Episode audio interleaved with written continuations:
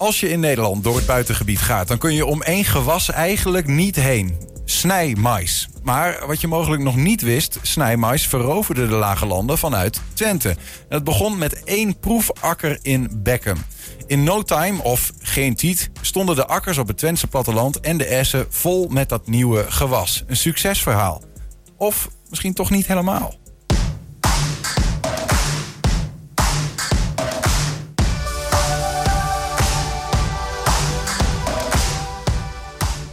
Meneer Plakker. Ja. Daar was ik weer. Duveltje uit een doosje. Ja. Eh, het, het nieuwe depot, hè, daar Ja. gaan we niet over hebben. Maar ik, ik- het blijft fascinerend. Maar we staan hier bij zuurverpapier, een doos. Ja, ja. Eh, tekeningen. Ja, dat dacht ik al. Ja. We hebben weer eens een, ik heb weer eens een tekenaar uit de doos gehaald. en dit keer is het Sietse de Jong. Als tekenaar is hij niet beroemd, maar je zal zien, het zijn prachtige tekeningen. Eh, eh, en het wonderlijke is, eh, de man toen hij die tekeningen maakte... was hij wethouder van onderwijs in Enschede. Oké. Dus hij was wethouder, Ja, politicus. Is de, Ja. wat, wat was hij nog meer, behalve... Eh, eh, een leraar tot 19, nou, ergens in de jaren 50. En daarna is hij lid van de Eerste Kamer geworden. Ah. Voor de Partij van Arbeid toen. En, ehm, eh, eh, en daarna is hij nog burgemeester van Zutphen geweest. Oké. Ja. Toen hij hier vertrok, heeft hij zijn collectie tekeningen, 572 stuks... Heeft hij gescho- 572? ja, aan het Natuurmuseum Enschede destijds. En wat voor tekeningen, ja, daar gaan we het over hebben. Maar wat voor tekeningen zijn het? Heeft hij één ding get of was, was het heel breed? Zat hij in Nee, een park allemaal eh, oude bloem- dametjes bloemen- bloemenplanten. Bloemen en planten? Ja. Oké. Ja, je hebt er één tekening uitgehaald. Welke tekening gaan we zien? Nou ja, ik, heb een, ik had keuze uit Ja, 572. dat is een aardige keus. Hè, dus ik denk, wat ga ik nou kiezen? En ik kies iets ehm, wat in zijn tijd heel erg een opkomst was. En in zijn tijd, je zei net al jaren 50. Ja, je... eind jaren 50. Oké. Ja, ja, mais. Miami Vice in de Enschedese mais. Ja, de mais. Ja, ja. Mag ik hem pakken? Ja, ja mais, mais is een, eh, eh, op, op zich een, een heel bijzonder gewas. Heel even voordat je over die techniek van mais gaat. Het is echt wel een hele goede tekening. Ja, het, het, is, het, is, het is echt wel heel erg mooi. Heel gedetailleerd. Ja. Mais. Mais. Want dat was in zijn tijd... Nou ja, eh, kijk, nou staan de velden vol met, met mais. Ja. Maar eh, in die tijd, eh, na de Tweede Wereldoorlog, had je ja, toch een, voedselprobleem. Hè, men wilde toch in zekere mate onafhankelijk zijn van, van voedselproducenten. Men was aan het experimenteren van hoe kan je ja, die voedsel efficiënter produceren. Nou, en dan heb je hier in de buurt, in Beckham, vond een soort, nou ja, de maisrevolutie vond er plaats. Niet. De eerste snijmais van Nederland, van Europa, ik weet het niet precies, maar in ieder geval van Nederland, eh, werd ge- geteeld in Beckham. Eerste snijmais. Ja, ja, ja, ja, ja, want er zijn mensen- snijmais, dat is dat mais dat we verhakselen en als veevoer in Precies, ja, want, voor, want voor de Tweede Wereldoorlog eh, was al geëxperimenteerd met mais. Gewoon van die korrels die je zo kan eten. Ja. die je in eh, burrito stopt. En, Corn uit Amerika, precies, ja. Ja, ja, Maar het, eigenlijk is het klimaat hier te koud voor mais. En eh, eh, in Beckham zat een landbouwconsulent. En die was, op, eh, die was in de Verenigde Staten geweest. En die had gezien hoe ze daar met die snijmais omgingen. En dacht van, misschien die korrelmais wordt niks. maar misschien dat die snijmais wat is. Hij heeft het hier naar Nederland gebracht. En in Beckham, in Beckham had je de eerste snijmais. Zeggen ze. Want er zijn ook... Zeggen ze. Ja, Waar- de- wat is het, waar, waar zit de twijfel? Nou, nou, in Beckham zeggen ze dat is zo. Ja? Eh, eh, eh, en degene die het geïmporteerd heeft was Johan Meijer uit Beckham, een landbouwconsulent. En hij, ehm, eh, eh, eh, nou, hij was fanatiek voorstander daarvan. Hij kreeg- had ook de bijnaam in Beckham, Maismeijer. dat is anders niet. Ja, ja. Maismeijer. ja, ja, Maismeijer Rubeng. ja, ja. ja. Maar maar ik heb een boek gelezen van een journalist... die heeft dat proberen uit te zoeken. Van, klopt het nou dat in Beckham de eerste mais van Nederland... eigenlijk de eerste snijmais Ja. van Nederland... en die heeft een broer van eh, Johan Meijer er nog gesproken... en die zei van nou... eh, dat is helemaal niet zo. Eh, maar Johan Meijer die had de grootste mond en die verkondigde het. hè. Het was op andere plekken. Hij, die zei van waarschijnlijk was het in Brabant de eerste mais. In Beckham werd die mais, werd, dat werd, was echt wel een ding... die ging op een gegeven moment ook mais-olympiades houden.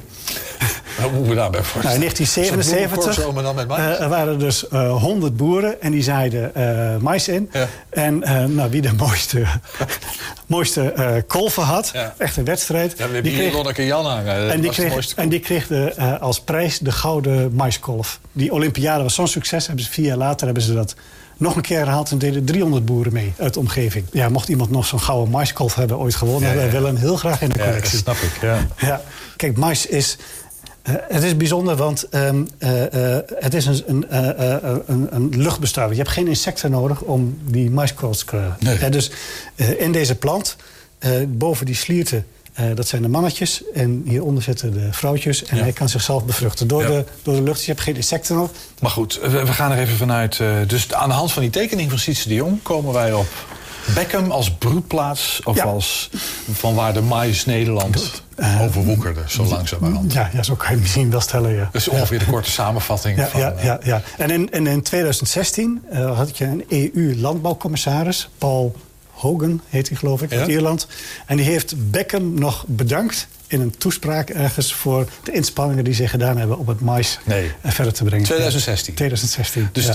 Dus de EU-commissaris bevestigt de geschiedenis Ja. van mais. Ja. Begon in Beckham. Ja. En heeft vandaar Europa over, eh Ja, over, overwoekerd. over, over, ja, overwoekerd, ja. Ja. Dus je moet wel Oké. zeggen, ja. Nou, mooi verhaal dat aan de hand van één teken. Dankjewel. Graag gedaan. Mais uit Beckham. Ja.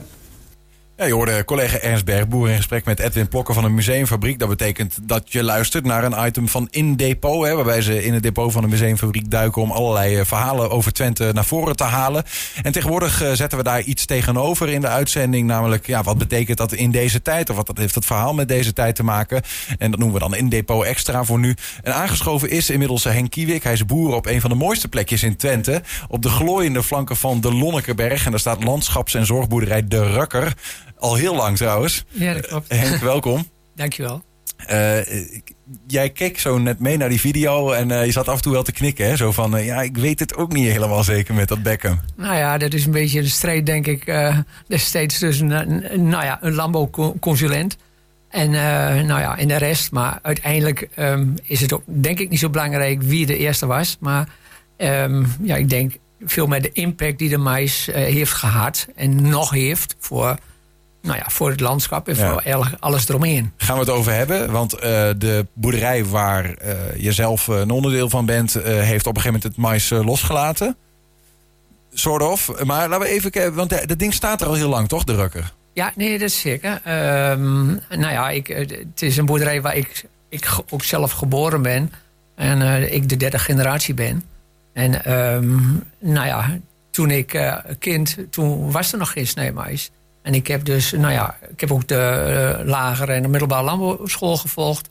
Nou, en daar staat naast ook de voorlichting. En je moet ook in, in de tijdsgevricht zien van eh, in die tijd nou ja, zeg maar 15 jaar eh, na de oorlog, 20 jaar na de oorlog. eh, we hadden een hongerwinter gehad. En eh, nou, het moest langzaam wat efficiënter. Maar er moest meer geproduceerd worden. En dan heb ik het nog niet eens over het aantal melkveehouders die de, of melk- en agrariërs die er toen waren. En ik bedoel, maar iedereen had wel een paar koeien. En ging daarnaast gewoon aan het werk. En nou, en, ehm, Maar wat moest efficiënter? Eh, nou ja, ehm, in elk, ook eind jaren 60 kwam een beetje tegelijkertijd met de mais kwam het plan Mansholz. En die gaf ruimte voor kleine boertjes. En dan heb ik het over bedrijven, bedrijfjes die naast de boerderij eh, ook ander werk deden. Ehm, en die nou, zeg maar vier, zes koeien, acht koeien hadden. Die de mogelijkheid eh, gaven om te stoppen. Daar kregen ze financiële vergoeding voor. En die, die grond, die wist, dat, daar is het begonnen, de schaalvergroting. Die werd opgesoupeerd door andere bedrijven om, om meer koeien te, eh, te gaan melken en te houden. En die snijmais die zorgde ervoor ehm, dat nou, er was alleen maar gras en het gras werd gemaaid en je was, ehm, er was nog niet die, die in, ehm, eh, mechanisatie die er nu is. En, en het was lastig om dat te oogsten. Ja. Je was weer afhankelijk. En die mais, dat was een heel betrouwbaar eh, iets. Nou, dat kon je het voorjaar zaaien. Je kon het heel in het najaar, dus dat was nou, zeg maar oktober, ja. werd het geoogst. En dus dat was super betrouwbaar. En het bracht veel meer op. In de verhouding een hectare gras en Ja. een hectare mais. Die Dus mais de- de- het aantal koeien eh, groeide. Ja, dat, daar is het begonnen, ja. En- Zo'n en- beetje gelijktijdig met de introductie van de mais. En het, het voer voor die koeien moest er ook zijn. Gras was niet zo handig vanwege de weersomstandigheden die er soms niet meehielpen. En, het was, en mais kon je gewoon veel meer van produceren op een bepaalde Ja. plek. Ja, nou ja, het, gra- het gras werd gegooid. Ik bedoel, maar er was nog geen keul. Nu kennen Mhm. we allemaal keulen bij, bij de eh, boerderijen. Ja. En de, de, dus de slurven eh, die gevuld zijn met, met gras.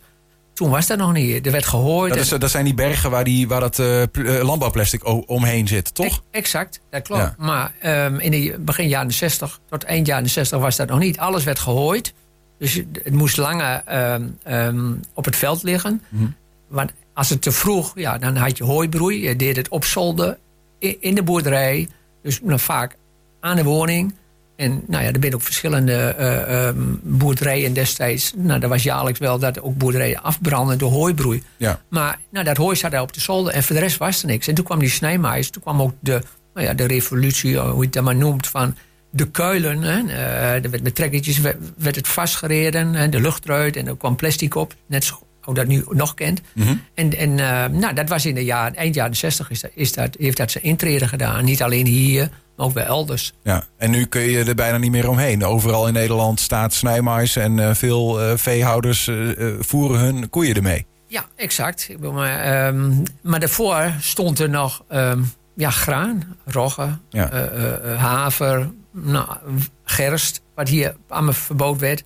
Dus, en, ehm, nou Goed, ja, bij, bij jullie op de boerderij, waar je zelf opgroeide, werd ook de snijmais geïntroduceerd. klopt. En dat be- begon met een halve hectare. En nou, de, de oogstmachines waren ook nog niet eerst geschikt. Het was een beetje pionieren.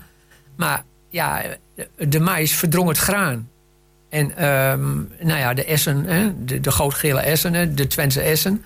Nou, dat was graan. Maar niet alleen dat. Er was ook nou ja, biodiversiteit. De, nou ja, er groeide van alles. Maar er vloog ook van alles. Mhm. In mijn beleving, als ik bij ons de S op ga, dan in, in de kind, er waren een, ehm een leeuwerikken, die, die daar nu op de vliegbasis Twente nog een, een kolonie hebt, maar die hou iedereen, op elke S waren die. De kievieten waren er. Want die leefden samen met dat graan en... Exact, patrijzen, noem allemaal maar op. Dus alles eh, had onderdak, had voedsel, eh, had een veilige broedplaats. Ja. En, en die snijmais, ja, die, die- het land wordt in het voorjaar bewerkt. Dat, dat gaat gelijk op met, met, met broed, eh, broedseizoen. Mhm. Moet een keer bewerkt worden. Dus ja, in maisland kan eigenlijk ook geen nest. Ja, behalve een soort kievit of groentwoord, dat Ja, wil dan nog een ja. keer nu. Maar ja, die zijn er dan bijna niet meer. Dus ja, nou, die heeft echt invloed gehad. Niet alleen op, op meer voedsel voor het vee, voor de boer. Maar nou, minder biodiversiteit. Nee. Ja. Maar hebben jullie dat, eh, want uiteindelijk de, de rukker, is, is, is voor een deel of volledig afgestapt van snijmais? Nee. Ehm, nou ja, wij zijn door regelgeving van Brussel beperkt in het aantal hectares mais wat we mogen verbouwen. Mhm. Dat heeft te maken met, eh, nou ja, dat heeft ook te maken met stikstof, met uitspoeling. Ehm, Nederland heeft, nou, dit jaar nog niet, maar die, we hebben een aantal jaar een derogatie gehad. Dat is een ontheffing wat Brussel ons toestaat om meer dierlijke mest op, on- eh, op, op je eigen grond te mogen gebruiken. En ehm, dat, ehm, dat zorgt ervoor dat de oppervlakte die je hebt, dan moet je 80% minimaal moet grasland zijn. Ja. Dus dat betekent dat je dan 20% mais hebt. Dus dat beperkt het areaal. Ja, ja, precies. En dat heeft ook ehm, ja, meer te maken dat, nou ja, voor de uitspoeling, maar ook wel voor het landschap. Want eigenlijk kun je als boer zijn nog steeds beter meer mais verbouwen, omdat dat gewoon meer kilo droge stof aan opbrengst geeft per hectare per jaar dan Mhm. Ja. gewoon grasland. Maar de regels beperken je dus in, nog in hoeveel eh mais je mag verbouwen. Exact. Anders Dat heeft ook met die biodiversiteit te maken dus. Mm, nee, nee, dat niet. Maar dit heeft met, met, met uitspoeling van Maar wat is uitspoeling? Nou ja, ehm, uitspoeling van eh, nutriënten noemen we dat, voedingsstoffen. Ja, in het voorjaar breng je eh, mest op het land, eh, ehm, organische mest, om als voedsel te dienen voor die maisplant die er ge- eh, gepoord wordt. En dat is dan stikstof, fosfaat en kali. Eh, nou ja, je kunt nog een rijbemesting doen, maar die mais neemt niet alles op. En om te voorkomen dat dat in de herfst dan, zeg maar, de veel regen, na de periode dat het uitspoelt. En, In de grond terechtkomt. in het grondwater terechtkomt, Ja. is dat beperkt. Maar daar hebben we dan ook een nagewas voor. We zijn verplicht, dat was vroeger natuurlijk ook niet. Ehm, maar we zijn nu verplicht om een nagewas Dus dat, is- dat kan een gras of een graan zijn. Nadat er mais heeft gestaan. Precies. En die zorgt ervoor dat hij een deel van, van die nutriënten vasthoudt voor het volgende seizoen. Dus dat hij dat vasthoudt Ja. en dat het niet uitspoelt naar het grondwater. Maar betekent dat dat... Want ik heb nu al het idee... als je hier naar buiten stapt en een willekeurig buitengebied ingaat... Hè, dan, dan heb je gewoon een grote kans dat je ergens een keer mais tegenkomt. Ja, overal. Dat dat eh, zeg maar decennia geleden nog veel meer was. Dat al die boeren hebben moeten terug indammen. Eh, eh, ja. Ja, ja, Ja. Wij, wij zijn ook in oppervlakte teruggegaan wat betreft eh, de oppervlakte maisland. Maar we gebruiken nog steeds mais, omdat mais ook een uitstekend product is om de koeien te voeren. Dat Ja. past heel goed in het rantsoen. Wat Ja, wat, doe je nu? Want jullie hebben koeien ook. Ja, melkkoeien. wat, wat voer je, wat, heb je genoeg, kun je nog genoeg mais verbouwen om alle koeien te voeren? Of doe je dat ook al met ander voedsel? Wij hebben eh, een gesloten bedrijf. Dat wil zeggen dat ehm, ehm, alle ehm, eh, voedsel, gras en mais... dat we dat op onze eigen eh, gronden kunt verbouwen. Dus met een soort, nou, noem maar een kringloopbedrijf. Mhm. En ehm, ja, in, in, in die ehm hoedanigheid hebben wij voldoende eh, ehm, voer... voor zelf eh, winnen voor on- onze melkkoeien. Ja. Maar dat is niet altijd zo, hoor ik een beetje met het wij. V- Vroeger niet. Vroeger houden we een beperkte oppervlakte. En wel veel intensiever met dezelfde koeien. En dan kochten we ehm mais aan. En dat kon, o- overal werd eigenlijk ook mais verboden. En ehm Enschede houdt de stichting eh Stawel. Stichting, wat nu Stichting Duurzame Plattelandsontwikkeling is. Was eh, vroeger Stichting Agrarisch Welzijn. En die had voorlichting naar ons toe, naar de agrariërs... om efficiënter te gaan verbouwen. En die had ook een maiskern. En die maiskern, wat ze daar deden, was inventariseren van boeren. Geef aan ons nu op hoeveel eh, hectare mais je wilt verbouwen. Mhm. Dan kochten ze, kochten ze dat samen in. Ja. Bij eh, nou ja, wat nu de voorganger van For Farmers in. Dus dan bedongen ze een korting, wat ons ten goede kwam. En vervolgens gingen ze de oppervlakte te zaaien ehm, mais verdelen onder de loonwerkers in Enschede. Dus, eh, en, dat was dan ja, was dat concurrentie. Het werd gereguleerd, maar er was ook voorlichting bij. Ik ben zelf, eh, ehm, heb ik jaren in, in nou, een soort bestuur van een maiskern gezeten. En dan was de ehm, geïntegreerde onkruidbestrijding, maar ja, dat hoort er ook bij. Het is niet alleen het planten, maar en vroeger deed dat natuurlijk nog veel meer zelf. Maar, dan, maar dan had je voorlichting, maar ook ehm, dat zei eh, net in het filmpje zo mooi, ja, de, wie het mooiste mais kon verbouwen, die kreeg een gouden, een go- gouden ehm, maiskolf. Ja. Ehm, nou ja, we ook deden was proefvelden. Je had verschillende soorten rassen. En dan, om, om, en, en dan eh, er was op de Ussel S, dat deed elk jaar een, nieuw stuk. Dus verschillende rijen met verschillende dingen. Stu- ja, ehm, nou zeg maar, eh, acht rijen van, het ene gewas en daarnaast een andere. En dan werd er in september een middag of een dag georganiseerd. Waarin eh, de agrariërs dan konden komen kijken. En werd, werd er naar voren gelicht over de verschillende ehm, ja. rassen en de opbrengst daarvan. En dan kon je kijken van wat ga ik zelf eh, al dan Ja, niet wat past mij het best. Ja, Ja. Ehm, eh, he- hebben jullie last eigenlijk eh, bij de rukken van, van het eh, hele stikstofverhaal? Naast wat je vertelt, wat die regulering zit, zit ook deels in stikstof hè, van, het, van het mais. klopt. Zit dat nog in een breder vlak ook bij jullie? Dat je veestapel moet indammen of wat dan ook? Nee, we zitten gelukkig, en ben ik wel heel blij om, dat we niet in de invloedssfeer van een Natura 2000 eh, gebied zit. Nou ja, dat is, aan onze kant is dat het Lonnekemeer en de Onzaalse landgoederen die dichtstbij zijn. En dus wij zitten eh, nou, ruim drie kilometer ervan af. Eh, dus dat heeft beperkte invloed. Welke invloed kan ik nu nog niet. eh, ehm, ehm, i- ja, ik, ik, ik kan niet zeggen wat het voor ons betekent. Maar in het algemeen kan ik erover zeggen dat, dat, ehm, na- ja, dat je natuurlijk een bijdrage eraan hebt. En dat kunnen we ook niet ontkennen. En dat moeten we ook niet ontkennen. We moeten samen met beleidsmakers, met, met de provincie en wie dan ook het gesprek aangaan om te kijken van ehm, wat kunnen wij eh, doen als sector om het stikstofoverschot te beperken. En daarin moet ook heel nadrukkelijk het voedselvraagstuk meenemen. Want uiteindelijk, als boerenbedrijven stoppen, dan stopt ook een stuk voedselproductie. En ik denk dat het veel meer uit niet alleen van die stikstof moet benaderen. Want alles het gaat alleen maar over stikstof. Maar we moeten gewoon nu kijken Ja. naar hoe willen we onze voedselvoorziening, voedsel, voedselproductie eh, ehm, ehm, vormgeven. Dat het ook duurzaam is, want daar begint het mee. Maar dat het ook zorgt dat de consument verzekerd is van een stukje Ja. voedsel. Maar ik, ik hoor daarin ook dat je zegt van, van eh, eh, ja, als we met elkaar duurzaam ook voedsel willen hebben, dan kost dat misschien soms ook, kost dat ook wat. Namelijk, en soms ook stikstofuitstoot. Daar kunnen we niet omheen.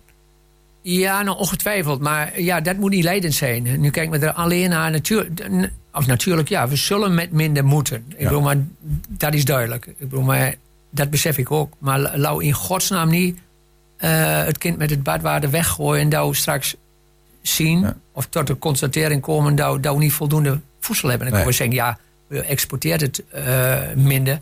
Maar ook het, het kind met het badwater hebben weggespoeld. Ja, nou precies. Ja. Je ziet hoe nou ja, actueel uh, Oekraïne en, en Afrikaanse landen. Maar ook ons voedsel wordt ergens geconsumeerd. En als dat, dat er niet meer is, dan ja. wordt het door anderen ja. misschien uh, aangevuld of niet. En ben je daar zelf mee bezig van hoe kan ik nou uh, mijn boerenbedrijf uh, de, de, voedsel blijven produceren, um, maar de stikstofuitstoot terugdringen?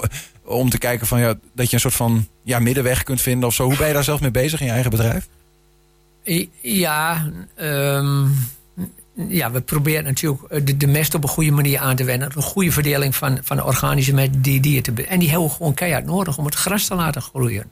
Om, eh, anders zou dat niet willen. Ja. Als ik nou even terug ga naar de mais, de snijmais. Mhm. Toen, wij, toen ik in de jaren, begin jaren 70 op de middelbare landbouwschool zat. Toen werden proeven gedaan om te kijken hoeveel mest er op een hectare uh, maisland kon. Zonder dat de mais door negatieve gevolgen van had. En ik bedoel, maar toen hou niet, niet uh, de, de, de gedachte van dat het ook een negatief effect zou hebben. Dat die stikstof of nou, die mest zo uitspoelt naar het grondwater. We keken alleen maar hoeveel, kan die, hoeveel mest kan er nu op een hectare. Mm -hmm. En ja, nou lachen we erom. En dan zeggen we van ja, maar in die tijd werden proeven gedaan. En, en, en um, ja, dat was natuurlijk, als je nu zegt, ja, ja. Hoe, hoe, hoe, hoe konden we het doen? Ja. En nu gaan we erom. om is met, ook voortschrijdend inzicht. Ja, zeker. Ja. En nu, nu kijken we hoe kun je met zo min mogelijk, uh, um, ja, uh, min mogelijk het optimale mest toedienen. Ook in de rij, want daar ben ik ook al mee bezig. Hè, de sneemais staat allemaal keurig in een rij, zo allemaal weet. En nu, nu uh, ook al rijbemesting toepassen met organische mest. Dus dan zorg je ervoor dat die mest dicht bij de wortels van de jonge maisplant komt. Mm -hmm. Die dan ook snel kan worden opgenomen zonder dat die eerst de tijd heeft of nou ja, nog, nog diepere ja, uh, ja. Kan, lagen kan zakken. Dat zo efficiënt mogelijk gebruik van je, van je mest, zodat het Precies. zo min mogelijk uh, op andere plekken terecht komt waar je het niet wil hebben mogelijk. Exact. Ja, ja, zeker. Um, ja, het is wel. Ik bedoel, we, kunnen het gesprek bijna afronden. Maar ik zit, even, ik zit met een boer aan tafel. Dus ik denk van ja, de, de, als, als ik als buitenstaander kijker soms naar denk van joh, er is een enorm verhit uh, debat. Um, voel je dat altijd als boer zo? Of, of, of, of heb jij, zit je wat genuanceerder in de wedstrijd? En, uh... Nou, ik denk dat ik er wel wat genuanceerder in zit. Ik bedoel, maar ik, ik, ik, nou ja, wat de overeenkomsten ook zijn, ik ga niet met de trekker de straat op. Mm. Um, ik, uh, nou ja, ik probeer door het gesprek aan te gaan en, en met iedereen om te kijken van nou, hoe kunnen we nu samen tot een oplossing komen waar mm -hmm. alle partijen, maar ook de natuur baat bij heeft. Laat dat duidelijk zijn. Ja, maar heb je vertrouwen in dat gesprek? Want ik denk dat het daar soms een beetje misgaat. Hè? Dat sommige ja. mensen denken, ja, ze willen ons gewoon uh, kosten wat kosten nek omdraaien. Ja, dat gevoel, dat, dat, dat ken ik. En, en ik bedoel, maar ik zei, ja, ik woon niet bij Natura 2000 nee. maar als ik ernaast zou wonen en ik heb een... Uh, uh, een, een, een, familiebedrijf waar generaties van de ouders, mijn opa en hopelijk mijn kinderen ook al boer zijn. En je zou daar weg moeten. Ja, dat is een keihard gelaag. Ik bedoel, maar dat is onvoorstelbaar dat mensen in zo'n situatie terechtkomen. Maar dat grijpt ontzettend diep in. En ik snap ook dat zij uh, uh, het meest gekwetst zijn door deze regelgeving. Ja. En ik vind ook dat het te eenzijdig dan, zeg maar, ja, nou, daar op wordt gelegd. Ik bedoel, maar de provincies waren in gesprek met gebiedsgerichte plannen. En ik vind nog steeds, die moeten ook de kans krijgen om, om, om, om tot, tot wasdom te komen. En natuurlijk met een, ook met een doel de stikstof terug te dringen, maar ook een perspectief voor die, voor de boeren. Voor die boeren. En als er dan min, minder koeien, maar misschien met er ook anderen. Maar dat perspectief dat ontbreekt nu. Ja. En daarvoor moet ik in gesprek. En, uh, maar ik ben bang dat de, de ja, populariteit van, van uh, politieke partijen en de verkiezingen provinciale precies zitten eraan te komen. dat dat, ehm, ja, dat, dat alles bepalend is. eh, en dat dat ook de richting geeft aan politieke partijen om te zeggen: we gaan het zo doen of ik stel er dit voor. En eigenlijk ja, het beste was om dat los te laten en gewoon objectief te kijken. Want over vier jaar dan helpt misschien weer wat anders en dan, dan is de nadruk weg. Maar de, de, ehm, de problematiek moet worden opgelost en dat moet samen doen. En daar zal de landbouw zeker een bijdrage aan moeten leveren. Dank in ieder geval voor jouw eh, inzicht en, eh, in deze zaak als, eh, als boer die iets minder snijmais eh, verbouwt dan, dan vroeger. Ja. Ehm, en dank ook voor nou ja, een klein lesje geschiedenis wat betreft de snijmais. Of het nou uit Beckham komt of uit Brabant. Laten we maar in het midden. Dat is het mooiste, denk ik. Henk Ja. Kiewik, dankjewel. Graag gedaan.